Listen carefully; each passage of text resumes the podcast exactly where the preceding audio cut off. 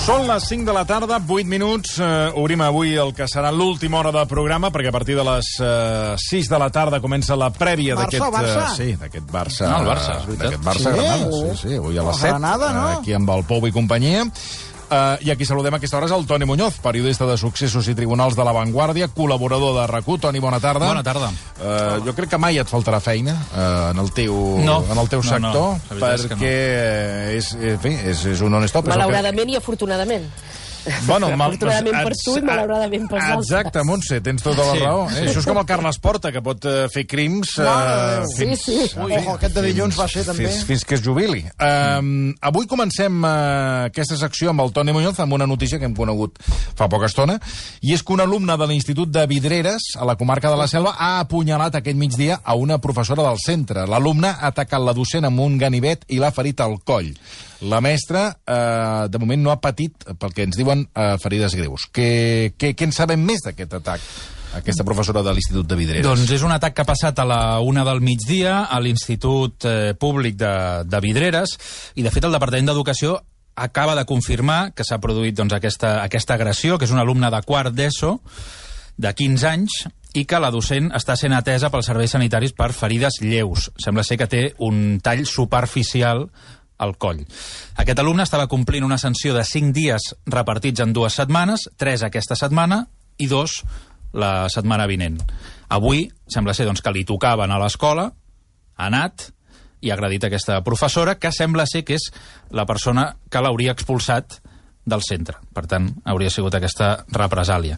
Les primeres informacions deien que després de cometre aquesta agressió aquest noi ha, eh, ha sortit corrent per potes, però ara ens diuen que no. Simplement doncs, que el noi estava molt tranquil després d'haver fet això, que s'ha quedat al pati, i en aquell moment ha sigut quan, després de que la direcció hagi trucat a la policia local de Vidreres, doncs, que han anat allà i l'han detingut. Ara aquest noi doncs, quedarà a mans de la Fiscalia de Menors, que és que haurà de decidir doncs, si l'internen en un centre de menors o dicten alguna mena de mesura cautelar, com la prohibició d'anar a l'escola, o ja veurem.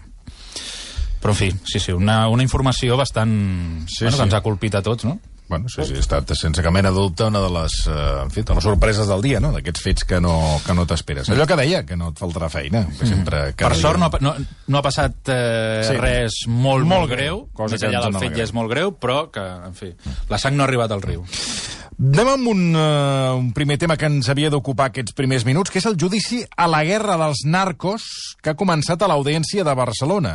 Estem, uh, ahir en parlàvem de, del, del que és De la el, el, el mercat mm -hmm. de la marihuana. Avui entrarem en matèria amb aquest judici a la guerra dels narcos. S'acusa quatre, uh, quatre narcotraficants dominicans de tres assassinats, poca broma, comesos el 2017. El d'un ciutadà procedent també de la República Dominicana, que va ser executat d'un tret al clatell a prop de la ciutat esportiva del Barça, Sant Joan d'Espí, i d'un doble homicidi al Prat de, de Llobregat. A veure, eh, que, aquest, aquest és el plantejament del, de l'inici del judici i què és el que demana la Fiscalia? Doncs la Fiscalia el que demana per a aquestes quatre persones a qui es relaciona amb aquests tres crims és eh, presó permanent revisable per un delicte d'assassinat amb traïdoria. Aquí el que va passar, és a dir, l'any 2017, finals del 2016, hi havia a Barcelona una guerra entre bandes dominicanes. El que passava, principalment, és que uns i altres es robaven la droga que tenien emmagatzemada i això, cada vegada que es produïa una mena de narcoassalt, això es pagava amb venjança i, per tant, amb morts. Aquí el que s'està jutjant són els tres últims morts del total de sis que hi va haver a Barcelona i Catalunya. Val?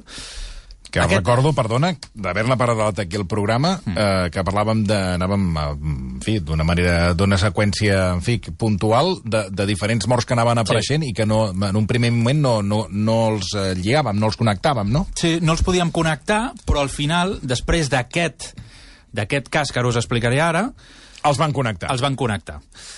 Aquest cas, diguéssim, seria un subcas dins d'aquell moment de tensió que s'estava vivint entre narcotraficants dominicans. Com deies abans, el 25 de març de l'any 2017 va ser quan apareix el cadàver d'un home amb una bossa de roba al cap, amb les mans lligades per l'esquena, i que li havien disparat un tret al cap i això va passar quan hi havia un descamp... en un descampat, ara ja hi ha el, el camp, el nou estadi Johan Cruyff, allà a la ciutat esportiva Ah, sí? del Barça. Allà? Allà. Què m'estàs escolta, dient? això està tocada a la ciutat esportiva Sí, del, sí, sí, del allà Futbol Club mateix, Barcelona. allà mateix. Hosti, noi. sí, sí, doncs abans hi havia un descampat, estaven fent aquestes obres, Colló. I allà va aparèixer el cadàver d'aquest home. En un primer moment, doncs, els Mossos d'Esquadra no sabien qui era, no el podien identificar, li van agafar les empremtes dactilars, van fer tot el, totes les, eh, en fi, totes les El diligències, protocol. tot el protocol per identificar-lo i no van poder. Perquè aquesta persona no tenia papers, però van poder intuir que es tractava d'una persona de la República Dominicana. Al final, gràcies al consolat, la- l'aconsegueixen Identificar. identificar. I era una persona doncs, que era un pagès, no? es dedicava a la... En fi, un pagès, i aquí doncs, feia algunes feinetes de, de manetes i coses així, no? Aleshores, com acaba aquest, aquesta persona morta a la ciutat esportiva del Barça? El dia Bueno, abans... Fora, fora. Bueno, Els bueno, terrenos fora. de lo que després Els han sigut. Es pot, home, tota aquella zona no és la ciutat esportiva del Barça, no, no, ja no? ho dic perquè encara hi haurà alguna queixa que... No, no, no. era dins. Bé, fora, fora, diguéssim, de les instal·lacions. Sí, sí, no, dic perquè, però en clar, aquella en zona. dia, que tot, tot és... Eh, la gent té la pell tan fina, sí, Sí, veig sí, aquí fora, el Barça... Fora de les instal·lacions, però al, Sí, al davant. Sí, sí, sí on, on està l'estadi Johan Cruyff. Sant Joan d'Espí. Sí, sí, està claríssim, el tenim ubicat. Sí, el que havia passat és que el dia abans, el 24 de març, s'havia produït un narcoassalt, és a dir, aquesta gent que després matarien aquesta persona van patir un assalt al seu pis franc, al lloc on emmagatzemaven tota la droga, que és un pis que estava a l'avinguda Paral·lel de Barcelona. Allà és on emmagatzemaven la droga i tal, i a la nit van aparèixer un grup d'unes 10 persones que van entrar en aquell, en aquell pis, van atonyinar el vigilant i la, el membre de la banda de narcotraficants que estava allà vigilant tot aquell pis, i es van endur un quilo de cocaïna, una arma de foc i 2.000 euros en efectiu. Val? Hi ha una part que és bastant curiosa, i és que aquest grup que assalta aquesta banda de narcotraficants, Els del paral·lel. els del Paral·lel, sembla ser que tenien moltes ganes d'anar a assaltar. De fet, hi ha diversos whatsapps que troben en la investigació de gent que es volia apuntar a anar al narcoassalt, però van dir "És que no tenim cotxes per anar-hi tots.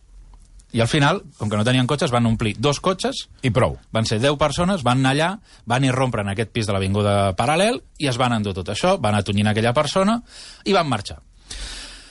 El que va passar és que justament aquest grup de joves, perquè eren molt joves, s'havien, bé, es van ficar amb la gent, diguéssim, equivocada, saps? Amb gent molt perillosa.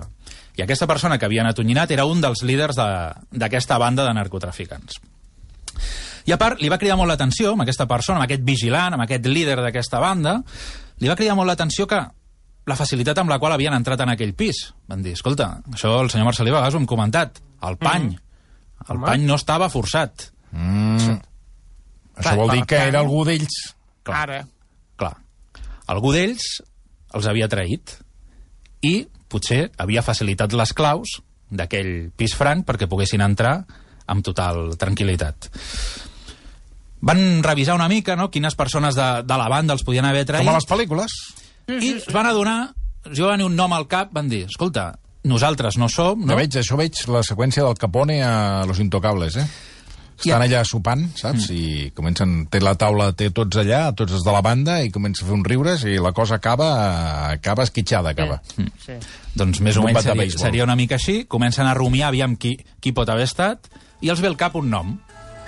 Un pagès que treballava amb ells, que feia poc temps que, que havia vingut a, a. Catalunya, i que aquesta persona li havien deixat les claus perquè era qui s'encarregava del manteniment del pis, pintava, tallava, feia coses de fusteria, eh, coses d'aquestes.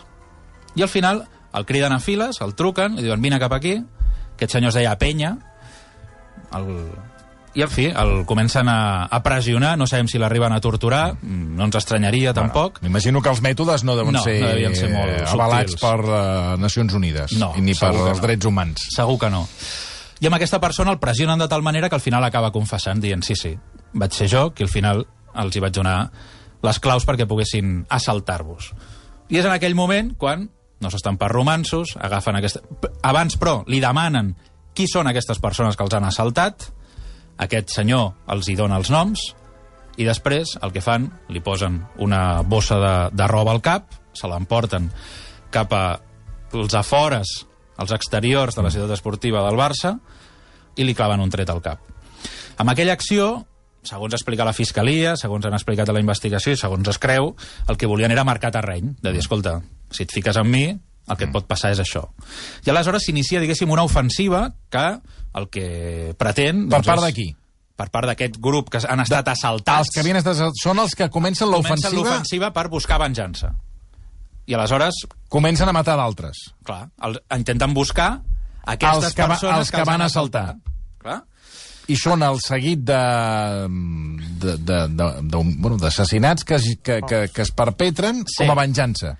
Exacte. Són dos, però, eh? Ah, però... Aquí serien dos, només. Clar, els altres, aquí, quan es comet aquest, eh, aquest assassinat, aquesta Sí. execució Sí. de la ciutat esportiva, ja és el quart assassinat dins de la guerra de, de, nar de narcotraficants dominicans. no de- tots de la mateixa banda, sinó de diferents de bandes. diferents bandes. Val? I aquests són, simplement, aquests eren un grup, els que assalten, que es dedicaven només a assaltar traficants de droga, assalten amb aquests traficants de droga i ara aquests traficants de droga el que busquen és venjança. I ja tenen el nom, perquè aquella persona a, can, a la qui han executat doncs els hi ha donat els noms, i ara els han de trobar, perquè no els coneixen, i sí que, sí que coneixen a un, un tal Andrés. I aquest Andrés el criden. El, el líder de la banda diu, escolta, vine cap aquí, parlen amb ell, i li ofereixen un pacte de dir, tu ara traeixes els te a la teva banda i nosaltres no et matem. Val? I aleshores aquest Andrés diu, d'acord. Aquell grup d'assaltants, val? quan veuen que executen a una persona, el que fan és, ells vivien a Santa Coloma de Gramenet i fugen per cames i, i es refugien a, al barri de Sant Cosme del Prat de Llobregat. Val? Quan aquest grup de narcotraficants, els que han estat assaltats, comencen a mirar els noms i intenten identificar-los, al final arriben a Sant Cosme. Diuen, d'acord, estan aquí. I com ho fan? Per intentar matar-los. Fan una mena de pla per, per acabar amb la seva vida. Aquest Andrés, que és aquesta persona que han convençut perquè els traeixi, sí. està una nit sopant amb el seu grup, aquí està a punt de trair, com si fos el Judas, no? Està allà sopant amb ells, Sí, sí. es veu que estaven fumant xixa, tal, estaven allà amb la, en fi, amb la nòvia del líder i un altre, uns altres amics, quan de cop i volta diu jo sabeu què, ja me'n vaig cap a casa, he d'anar a buscar la meva dona i tot això. Vale, vale, doncs marxa, no? El senyor se'n va, tanca la porta, i en aquell moment ja es troba els altres que l'estaven esperant allà a la porta i aleshores fa un moviment que és torna a picar la porta i diu, perdoneu que m'he deixat una cosa, que ells miren pel forat del pany, diuen, d'acord, ets tu, obren, i quan obren la porta, i rompen el- Els- els, els altre, l'altre grup. Els, els, eh, els, del- els, els, Els que havien estat assaltats. Els que havien estat assaltats. I, Una pel·lícula? Això és sí, una sí, pel·lícula. entren amb armes de foc I i, passa? comencen a disparar. Què dius? Mhm. Allà Veus, Josep. maten primer la persona que obre la porta, li claven un tret al cap i després disparen fins a set trets que acaben matant a qui és el líder de- d'aquesta banda que es dedicaven a assaltar narcotraficants. Eh, hi ha una altra escena que també seria bastant de pel·lícula i és que aquest líder dels narcotraficants, que era un noi molt jove, que es deia Jan Carlitos, aquesta, aquest senyor, o aquest noi, com veuen que comencen a disparar, salta i es posa sobre de la seva nòvia perquè no li facin res, i al final li salva la vida, perquè ell sí que el maten, però la dona, al final, eh, salva la vida i es converteix en un testimoni clau per poder identificar després aquestes persones. Avui, ara, qui s'asseu al banc dels acusats són totes aquestes persones que van, suposadament, acabar amb la vida d'aquell home als exteriors de la ciutat esportiva del Barça i després, les, que són les mateixes persones qui després doncs, haurien eh, entrat d'aquesta manera en aquest pis del Prat de Llobregat i, i van acabar amb la vida de dues persones. Per tant, ara doncs, la Fiscalia els hi demana aquesta pena de presó permanent revisable per aquests tres delictes d'assassinat amb traïdoria. I a més, clar, quan es cometen aquests tres últims crims, partíem d'una altra situació anterior. I és que els mesos anteriors, dins d'aquesta guerra de bandes, es produeixen diversos fets. Un, un, un noi de 28 anys mor a la discoteca Coco de l'Avinguda Paral·lel de Barcelona, li, li claven un tret mentre està ballant i acaba morint. Sembla ser doncs, que tot això tenia a veure amb el robatori d'una partida de droga que, s'havia- que havia arribat a Holanda, doncs allò va generar doncs, aquestes tensions fins al punt doncs, que van matar aquesta persona a la discoteca Coco de l'Avinguda Paral·lel de Barcelona a finals del 2016. Una altra mort es va produir l'1 de gener del 2017 en què un home de l'Hospitalet de Llobregat sortia de casa seva amb el seu cotxe i dos pistolers van entrar, li van clavar un tret al cap mentre estava al cotxe i el van deixar allà mort. I després, la tercera mort ja va ser un cas bastant semblant d'un un altre suposat narcotraficant que estava conduint per l'Avinguda Meridiana de Barcelona, que quan, Aquest el recordo. aquest el recordes, quan es va Sí, aturar sí. en un semàfor van El va- també el van aparèixer disparar. Van disparar i també el van matar. Doncs aquestes serien les sis morts que es van produir en aquell espai de temps entre finals del 2016 i mitjans del 2017, en què van morir sis persones, i ara doncs, tenim el primer judici per, a, per a aquest cas, que, en fi, són aquestes quatre persones a qui demanen presó permanent No, revisable. no cal donar-se d'alta de, de plataformes digitals perquè, escolta, amb el que, amb el que ens acabes d'explicar, i a més això real, eh? No és allò que ho veiem a les pel·lícules crime, ni a les sèries. I a Catalunya. Eh? I a, A Catalunya, i a Catalunya. Catalunya. Sí, sí, a Catalunya. Bueno, parlem ara, Toni, d'una detenció molt peculiar. L'olor de perfum d'una dona que desprenia un lladre ha permès la seva detenció per part dels Mossos d'Esquadra. Els fets van passar ara fa uns dies a Portbou i és un dels casos que avui, eh, en fi, aprofundirem amb el, amb el Toni Muñoz. Com és que aquell lladre de Portbou el van identificar pel perfum que... pel perfum de dona que en aquest cas eh, portava? Doncs és un cas bastant, bastant curiós. Això va passar dissabte passat a Portbou i sembla ser doncs, que els veïns van trucar als Mossos d'Esquadra que van veure que hi havia un, una persona doncs, que tenia una actitud sospitosa, que estava tafanejant en diverses finestres, estava allò rondant per la zona amb una actitud allò que no els va generar molt bona espina, no? I aleshores eh, els Mossos d'Esquadra van anar fins allà, eh, el van identificar, van, i, van, i es van adonar d'una cosa, i hòstia, aquest, aquest senyor fa, fa un, una forta olor de, de, de perfum de dona, no? I és una cosa que els va cridar molt l'atenció, no? Però, clar, el van, el van identificar, el van escorcollar, no portava res a sobre, i, en fi, no... estava en marxar, no? Però després, més tard, van veure doncs, que havien rebut l'avís d'un robatori en força que s'havia produït en un domicili, també de, de Portbou.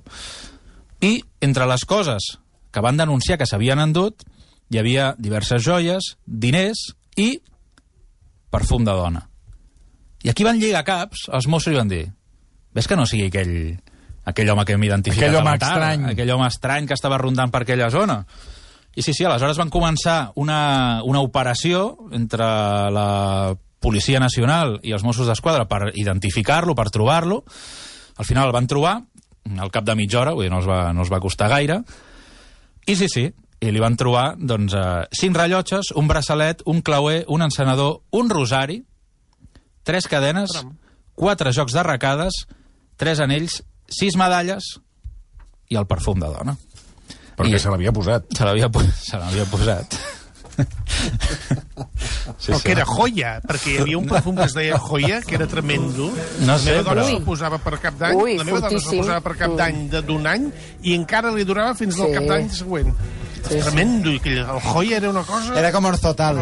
No el recordo, aquest, eh, no el recordo. Sí, Tot i que sí, a, avui el. Toni ens volia, ens volia comentar alguns altres casos d'aquests peculiars, no?, de, del grup de fugitius de la Policia Nacional de Barcelona. Eh, també curiosit d'aquestes curiositats, eh, en tens alguna més? Sí, Home, perquè aquesta perfum, aquesta setmana, justament, la- l'Anna Ponsí, la companya periodista de la cadena SER, doncs va, fer, va publicar una història que estava molt bé i que parlava, per exemple, ja que sempre traiem el tema, a Catalunya, en els últims 3 Catalunya? anys... Què ha passat a Catalunya? doncs que una quarta part Sí. dels fugitius que es detenen a tot Espanya es detenen a on? A Catalunya. A Catalunya.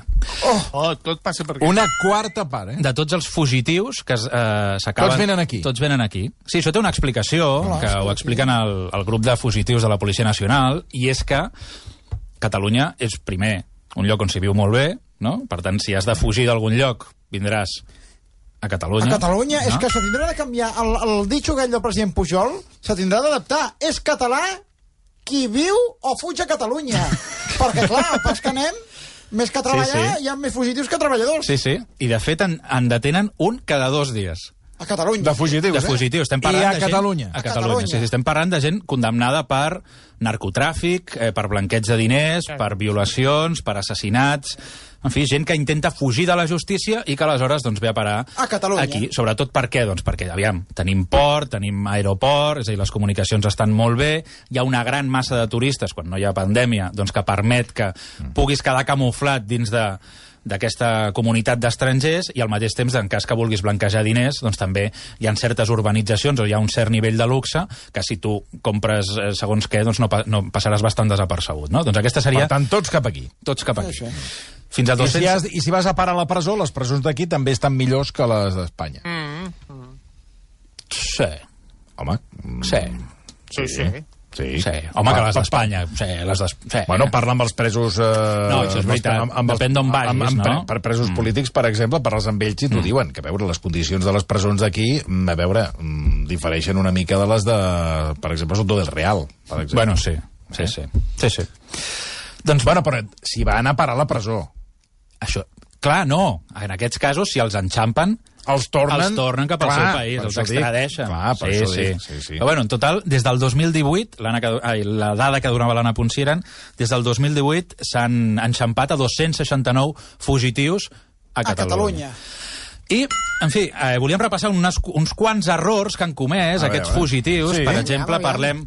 Posar-se eh, perfum de dona? No. no, el primer cas potser no és tan llampant. Aquest el vam comentar aquí l'any passat, a la versió RAC1. Estem parlant de Jamie Rothwell, de 34 anys, s'havia refugiat a, Esca a Espanya per escapolir-se d'una pena de cadena perpètua que li havia imposat el Regne Unit per assassinat i diversos fets violents vinculats al crim organitzat.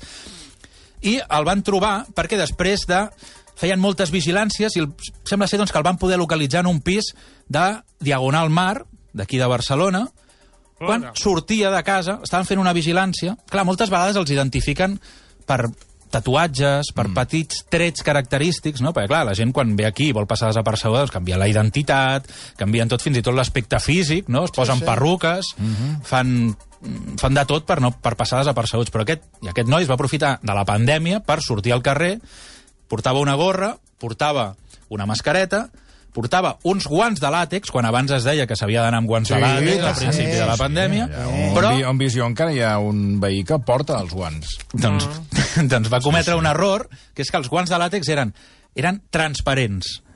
I al dors de la mà se li va poder veure un tatuatge d'un diamant amb un ull, que era molt característic d'aquest fugitiu, i el van poder enxampar. Però escolta, aquí estava fent la vigilància Sí, sí. uh, un bon ull, eh? O sigui, com diria el senyor Marcelí, que a Santa Rita li, li conservi la tant. vista. Perquè, home, veure a distància això... Santa Llúcia. Santa Sí, Ah, Llúcia. exacte, Santa Llúcia. Gràcies, senyor Marcelí. Santa Rita és la... Què és, la de la sort? Lo que ja no se quita. La dels impossibles. la dels que se da no se quita. Nota que el santoral me'l me conec de pe a pa. I això que te l'explico cada dia. Sí, sí, però ja veu l'interès que hi poso.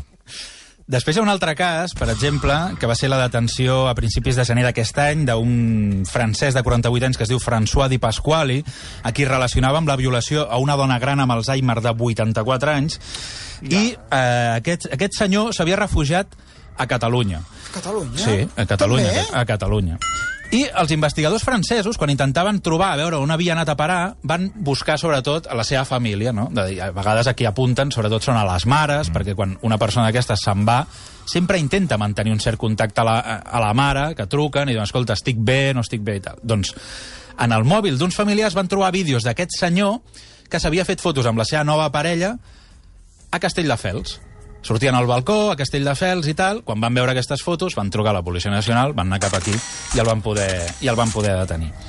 I després també, tenim també un cas que crec que en vam parlar també aquí al programa, que el van detenir l'any 2018, estem parlant de Johannes Brecht, que era un home de nacionalitat holandesa que va ser detingut l'any 2018 a, Catalunya. concretament a Castellterçol, Què dius ara, allà a prop de Mollà? sí, Oh, oh.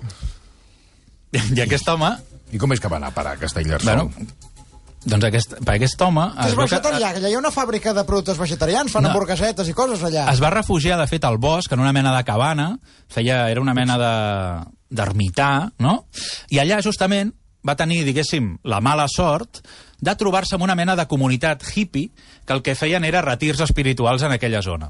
I sembla ser doncs, que aquest, aquest eh, fugitiu doncs, tenia una certa relació, de tant en tant anava a buscar menjar amb aquesta gent, tenia una certa relació. Però dins d'aquesta comunitat hippie hi havia una persona de nacionalitat holandesa, que una nit va posar a mirar la tele del seu país i va veure el típic programa de els delinqüents més buscats. Home, un quién sabe dónde, o una, una, una mena, bueno, una, Una mena, mena- una mena sí. de... mm, Se busca. Sí, sí. I qui va aparèixer? Ell. El veí va aparèixer el veí de la cabana del costat. Clar, aquí Jesús. va ser quan va dir, ostres, si és el veí, va trucar a la policia I el van detenir. i el van detenir. Carai, tu.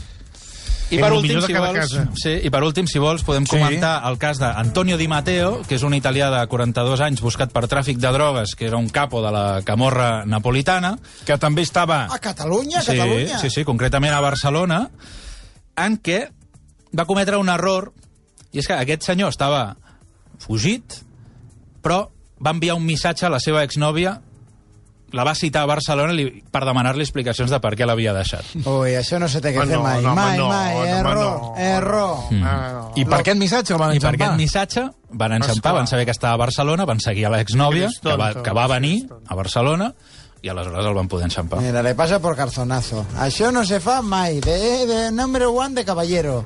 Adiós i venga, m'entén? A, a Molt por bé, molt bé, un rebe- gran caballero vostè, ho està demostrant, otro- eh, sí, sí, li està agradant la el comentari, li està agradant molt a Montse segur. A por otro revelado. No, ja si hagués anat a Madrid, potser a, a, a la ex no l'hagués no trobat, no? Però ja No, a l'ex no, te la, Exacte. no la trobes mai. Vas a Madrid, eh, no et trobes amb l'ex. Sí, sí, No, no, no.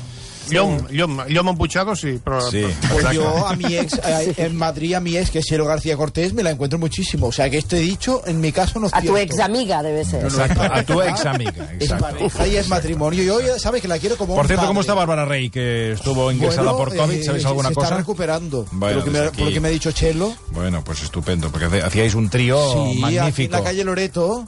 No, no, digo en Madrid, aquí no, cuando No. estaba en la caravana, que lo explicasteis. Que Sí, pero cuando y, estaba- y aquí en Barcelona. Sí, esto ya lo he contado 800 veces. Me refiero cuando eh, estabais en, eh, en el circo, en el circo de Ángel Sí. Cristo, que la caravana hacíais, Sí, pasabais, bueno, era- montabais circo en la caravana, Sí, tú, pero- Bárbara y Chelo. Pero más bien era en Barcelona, ¿eh? Mm, No. Eh... En el piso de la calle Loreto de que Barcelona. no, hosti, que és pesat. És, és pesat, hòstia, més, més pesat. Però és Tú que participaste activamente en la noche de amor de Bárbara, de la no- en la noche de sexo de Bárbara Rey y Chelo García Cortés. Mira, dos mujeres no iba a estar pasivo, ¿no? Claro, pero ¿te lo hiciste con las dos? No, Solo con una. O con no, anda, mirada. déjame en paz. Se han hecho unos comentarios aquí de que yo no podía, mm, que, que yo en la cama como que no funcionaba. ¿Pero qué quieres ¿Verdad que que no ha sido ninguna queja? Que yo en la ¿Qué cama quieres que hable de tu potencia No, me gustaría que digas, Pues funciona sí. yo bien. Bueno, yo no tuve queja durante Pues los ya nueve está. años. Claro. Chelo no tuvo queja. Pero esto fue en Madrid, complicado. fue en Madrid, No en la que- caravana de Bárbara Rey del circo, No, en Madrid. Barcelona. y dale que no. Era la semana de Barcelona. A ver, lo sabré yo. Lo sabré yo. ¿Qué Hombre. te has puesto botox en el cerebro ya? Porque Mira, te mira, que todos estoy con en- tanto botox que, estoy en regalimeu Lugo. botox. No te rigas que estoy en Lugo. Però ell ho diu, eh? en Ell ho diu que no se quedó passivo, eh? No, No. Es- y además le reclama a la Chelo porque en ti. Oye, Eh, oye, que ¿funcionó yo o no o no Sí, sí, funcionaba. claro. Ya. Bueno, Mira. funcionabas fuera de casa seguramente. Mira, como tú que estás fuera de aquí, ¿me entiendes? Así funciona, que eres una lagarta. Toni Muñoz, moltíssimes gràcies. Ara tornem. Versió RAC 1.